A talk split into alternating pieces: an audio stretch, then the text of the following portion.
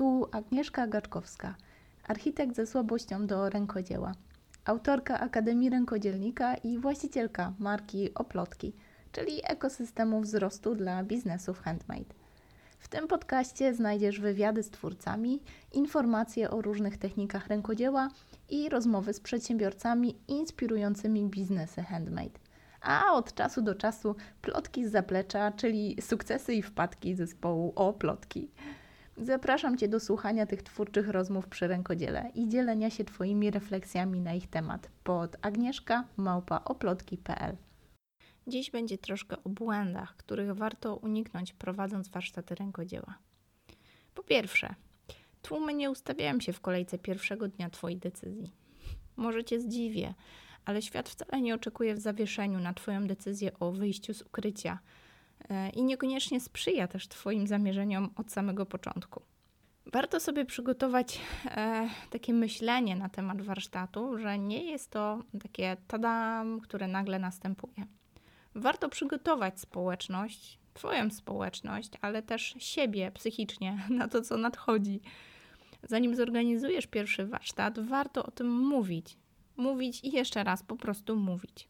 Warto zbierać opinie, sugestie, podpowiedzi ale też warto siebie przygotowywać na to, co nastąpi. Aby zebrać grupę, niewątpliwie potrzebujesz poświęcić czas na informowanie o możliwości spotkania, jasno wyłuszczając szczegóły, na przykład gdzie, kiedy, na jakich zasadach. Ale co zrobić, jeżeli nie masz społeczności? Warto zastanowić się właśnie o tym mówieniem o warsztacie, bo może to właśnie to mówienie pomoże Ci dotrzeć do osób, które będą zainteresowane Twoimi warsztatami i pomoże Ci tą społeczność po prostu zbudować. Po drugie, warsztaty to świetna promocja. Tak, ale oczywiście osobiste spotkanie z Tobą działa o niebo lepiej niż tony postów w social mediach, ale to też nie jest automatyczny pewnik. Na pewno jest to powód, dla którego warto prowadzić warsztaty, ale warto pamiętać, że dobre wrażenie będzie się niosło pocztą pantoflową jeszcze długo po samym warsztacie. Ale niestety tak samo dzieje się z rozczarowaniem i niedotrzymaną obietnicą, Dlatego warto kierować się strategią, żeby nie obiecywać złotych gór, a później ich nie dowozić. Lepiej nie obiecywać złotej góry, a dowieść trzy. To takie moje osobiste hasło, ale o co chodzi? W myśl tej zasady jasno opisuję, czego tak naprawdę uczestnicy mogą się na warsztacie spodziewać. Wyłuszczam cenę, zapewnione materiały, miejsce, czas warsztatu. Wspominam, że w cenę wliczony będzie poczęstunek.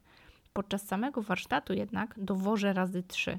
Poczęstunek to nie tylko poczęstunek, ale najlepsza kawa, jaką udało mi się znaleźć i wegańskie ciacho, żeby nie daj Boże komuś, nie było takiej sytuacji, że ktoś nie może zjeść, bo jest uczulony, albo po prostu taki, taki jest jego wybór. Często decyduje się na takie knajpki, które są jakby najlepsze w danej okolicy, znaczy tak można tak kategoryzować, ale są po prostu polecane i mam tą gwarancję, że jeżeli ciacho, to już naprawdę dobre ciacho.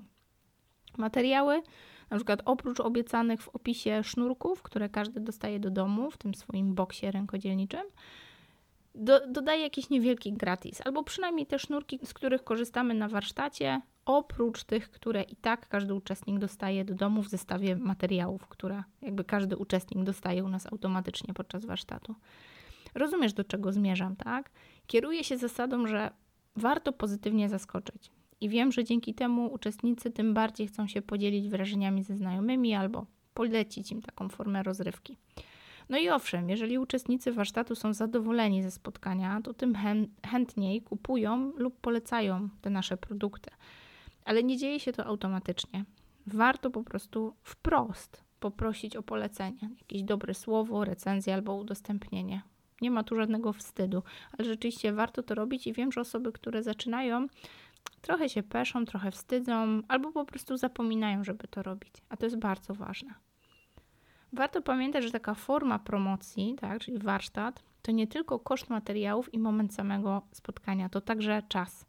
Mówię o tym w kilku artykułach na blogu oplotkowym, jak ważne jest wycenienie tego czasu, żeby później nie czuć się roz, rozczarowanym i nie zaczynać od, e, no tak przyjemnie, od takiej ceny, która po prostu później okaże się zbyt niska. czas budowania napięcia, jakiejś pozytywnej atmosfery przed warsztatem, ale później czas po, na taką obsługę, że tak powiem, powarsztatową. Warto też nawiązać kontakt z zainteresowanymi, zachęcać do udziału, odpowiadać na pytania, rozwiewać wątpliwości. Po warsztacie tak po ludzku podtrzymywać relacje. To wszystko zajmuje czas. To pozwala na otwartą komunikację z Twoją rosnącą społecznością, ale trzeba na to przewidzieć czas.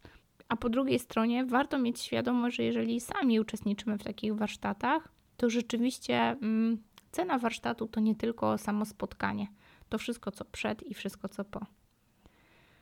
E, po trzecie, warto spodziewać się, że ktoś może nie dopisać albo się spóźnić. I znowu, z jednej strony, jako uczestnik, nie poddawaj się, jeżeli już skończyły się miejsca na Twój ulubiony warsztat. W dniu warsztatu warto zadzwonić, dopytać, bo często wykruszają się pewne osoby. Ktoś się rozchoruje, ktoś nie może dojechać, coś się stało, dziecko nie domaga i tak dalej. Ale też z drugiej strony, jako prowadzący czy e, rozpoczynający prowadzenie warsztatów, nie traktuj tego osobiście.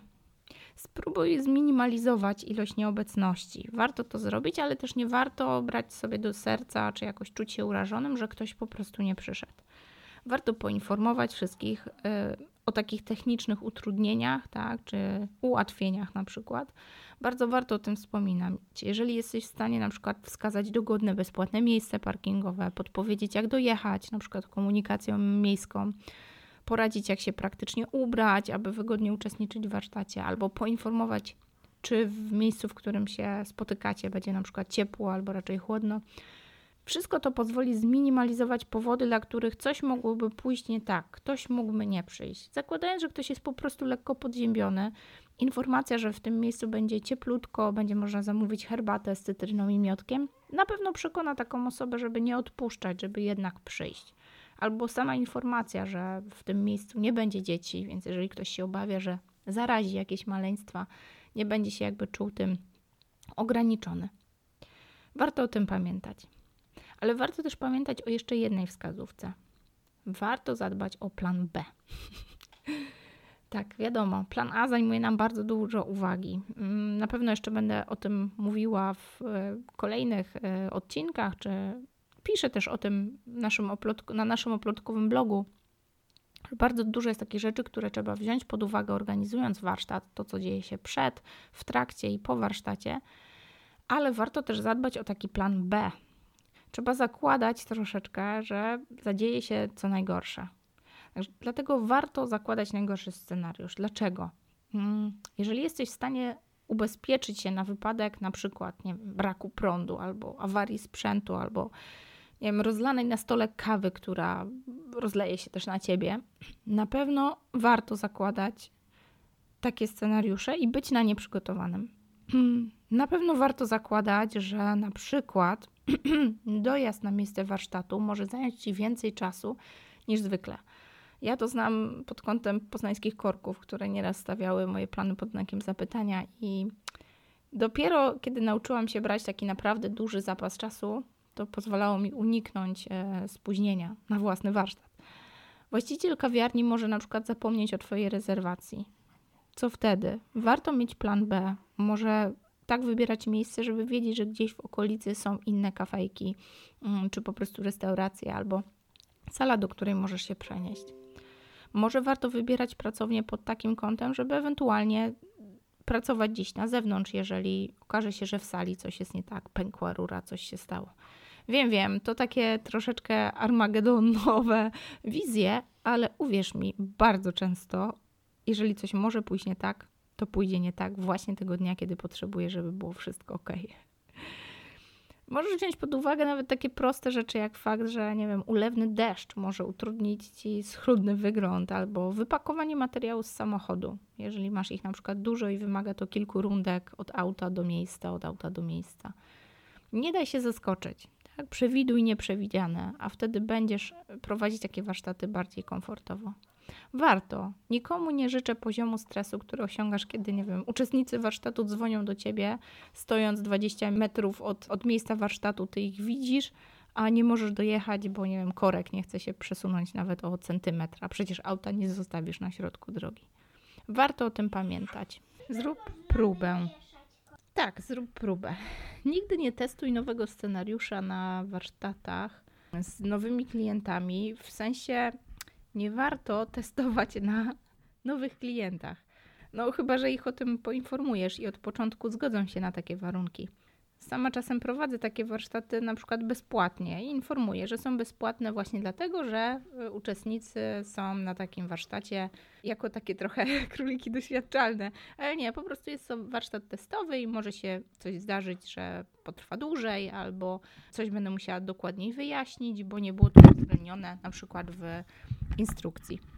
Jeżeli masz taką możliwość, przetestuj warsztat na grupie znajomych, którzy podzielą się z Tobą opinią, co zadziałało dobrze, a z czego nie do końca byli zadowoleni. Co najważniejsze, dokładnie prześledź, co działo się podczas takiego warsztatu. Czy udało Ci się zmieścić w założonym czasie, czy wszystkie kroki były jasne i czy materiały wystarczające, a instrukcje odpowiednio czytelne. Pamiętaj, żeby analizować i poprawiać błędy, zanim zaprosisz takich regularnych uczestników na swoje warsztaty. I przede wszystkim bądź sobą. Chyba nie mogłam bardziej autentycznie tego nagrać, podczas gdy moja dzidzia już się powoli budzi i czuję, że muszę kończyć to nagranie. Bądź sobą, bo kilka pierwszych chwil takiego warsztatu potrafi być bardzo przerażające. Ja wiem, że wizja jakiejś niezręcznej ciszy wśród nieznajomych albo obawa przed tym, jak wypadniesz w ich oczach, no to potrafi spędzić sens powiek. Pamiętam, bo sama tam byłam i no i w sumie jestem przed każdym z moich warsztatów. Niezależnie od tego, ile już ich było, za każdym razem ten strach, ta obawa, to takie mrowienie w brzuchu, to zawsze jest. Tego się nie pozbędziesz. Ale bój się i rób, jak to powiadają. Po prostu bądź sobą. Pamiętaj, że masz niesamowity dar którym właśnie planujesz się podzielić.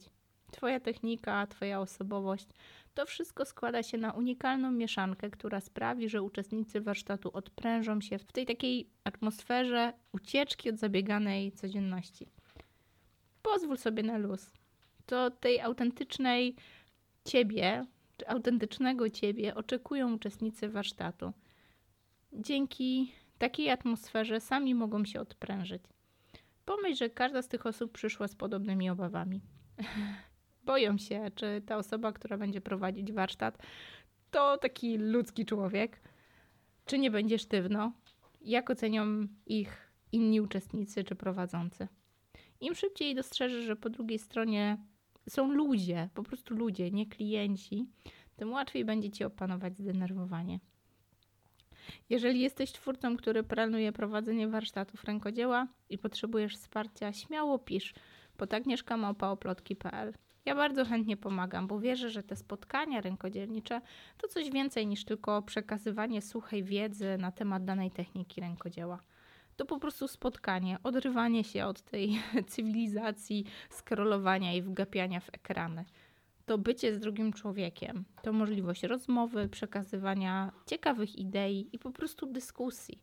Coś, czego nam bardzo, bardzo obecnie brakuje. I wierzę, że takie warsztaty mogą nas zjednać wokół takiego tematu, którym jest rękodzieło. Niezależnie od naszych poglądów, niezależnie od naszego wieku, płci, tak naprawdę podczas warsztatów rękodzieła wszyscy łączymy się w takim zainteresowaniu tym właśnie tematem tym bardziej zachęcam Cię, żeby ruszyć z tym tematem. Jeżeli nosisz się z zamiarem warsztatowania, uczenia, przekazywania Twojej wiedzy na temat danej techniki rękodzielniczej, zrób to, po prostu zrób to. Trzymam za Ciebie kciuki. Do usłyszenia w kolejnym odcinku. Dziękuję Ci, że słuchasz. Jeżeli przychodzi Ci do głowy jedna osoba, której może przydać się ta treść, proszę podziel się z nią tym podcastem. Polecenie, dobra recenzja, subskrypcja nie kosztuje ani grosza, a dla mnie jest najcenniejszą motywacją, aby nagrywać dalej. Jeżeli chcesz się ze mną skontaktować, pisz pod agnieszkamałpa.oplotki.pl